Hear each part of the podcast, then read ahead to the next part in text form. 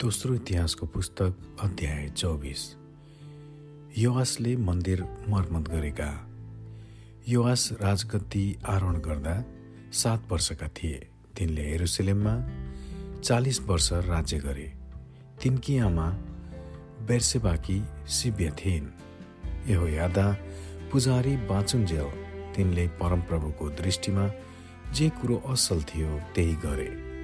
यो यादाले तिनको निम्ति दुईवटा पत्नीहरू चुने अनि तिनका छोराछोरीहरू भए। यसको केही समयपछि युवासले परमप्रभुको मन्दिरको मर्मत गर्ने विचार गरे। तिनले पुजारी र लेबीहरूलाई भेला गरेर भने यहुदाका सहरहरूमा गएर सबै इजरायलीहरूबाट परमप्रभुको मन्दिरका पुनर्निर्माणको निम्ति वर्षेनी दिने रकम जम्मा गर। अनि यो काम झट्टै गरिहाल। तर लेबीहरूले त्यो काम झट्टै गरेनन्। यसकारण राजाले प्रधान पुजारी यो यादालाई बोलाएर भने किन गवाई पार्टीको पालको निम्ति परमप्रभुका दास मोसा र इजरायलको समुदायले लगाएको तिरो यहुदा र एरुसलेमबाट ल्याउनु भनी लेबीहरूसँग तपाईँले माग्नु भएको छैन? अब ती दुष्ट अतल्याका छोराहरूले परमप्रभुको मन्दिरभित्र पसेर त्यहाँका सबै पवित्र थोकहरू बाल देवताहरूको पूजामा उपयोग गर्ने गरेका थिए।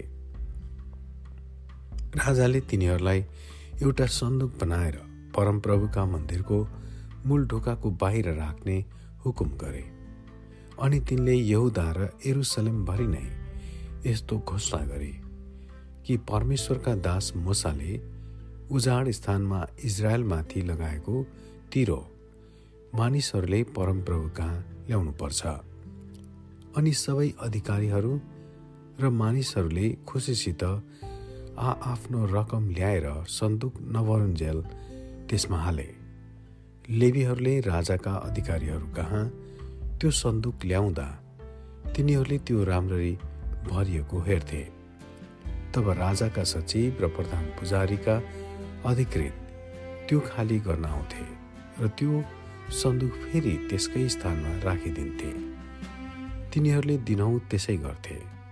यसरी तिनीहरूले धेरै रुपैयाँ पैसा सञ्चय गरे।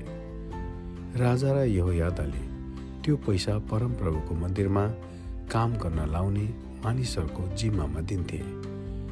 तिनीहरूले चाहिँ मन्दिरको पुनर्निर्माण गर्न ज्यालामा लगाएका डकर्मी र सिकर्मीहरूलाई र मन्दिरको मर्मत गर्न फलाम र काँसाको काम गर्ने कारिगरहरूलाई दिन्थे। यसरी कामदारहरूले आफ्ना काम गर्न लागे र तिनीहरूकै हातमा यस मर्मतका कामको उन्नति भयो।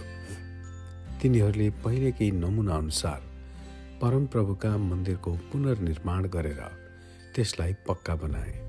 तिनीहरूले यो काम सिद्ध्याएपछि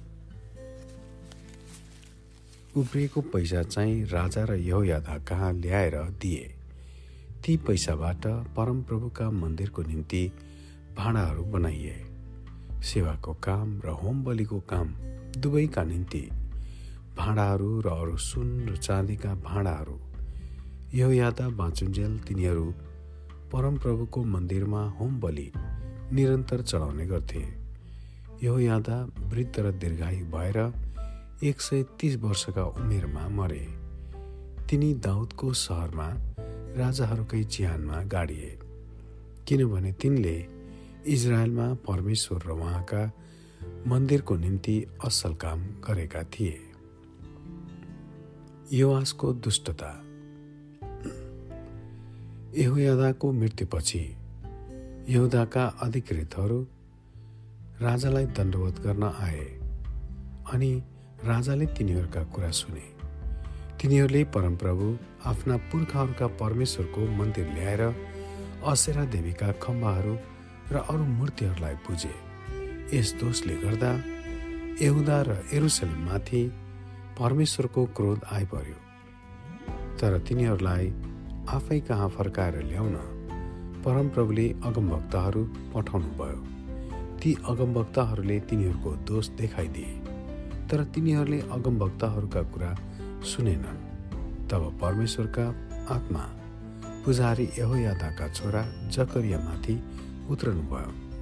तिनी मानिसहरूका अघि खडा भएर भने परमप्रभु यो भन्नुहुन्छ तिमीहरू किन परमप्रभुका आज्ञा उल्लङ्घन गर्छौ? तिमीहरूको उन्नति हुने छैन।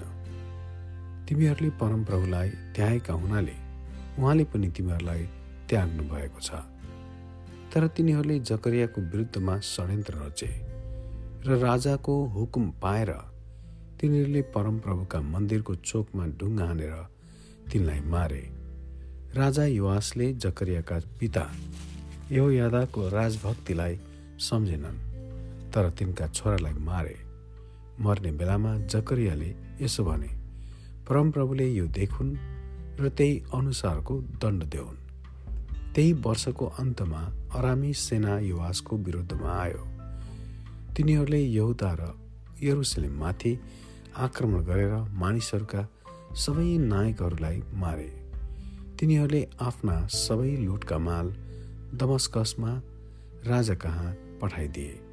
अरामीहरूको एक सानो फौजले मात्र आक्रमण गरे। तापनि परमप्रभुले इजरायलको एक ठुलो सेनालाई उनीहरूका हातमा सुम्पिदिनुभयो। यहुदाका मानिसहरूले परमप्रभु आफ्ना पुर्खाहरूका परमेश्वरलाई त्यागेका हुनाले यो आसमाथि उचित दण्ड आइपर्यो।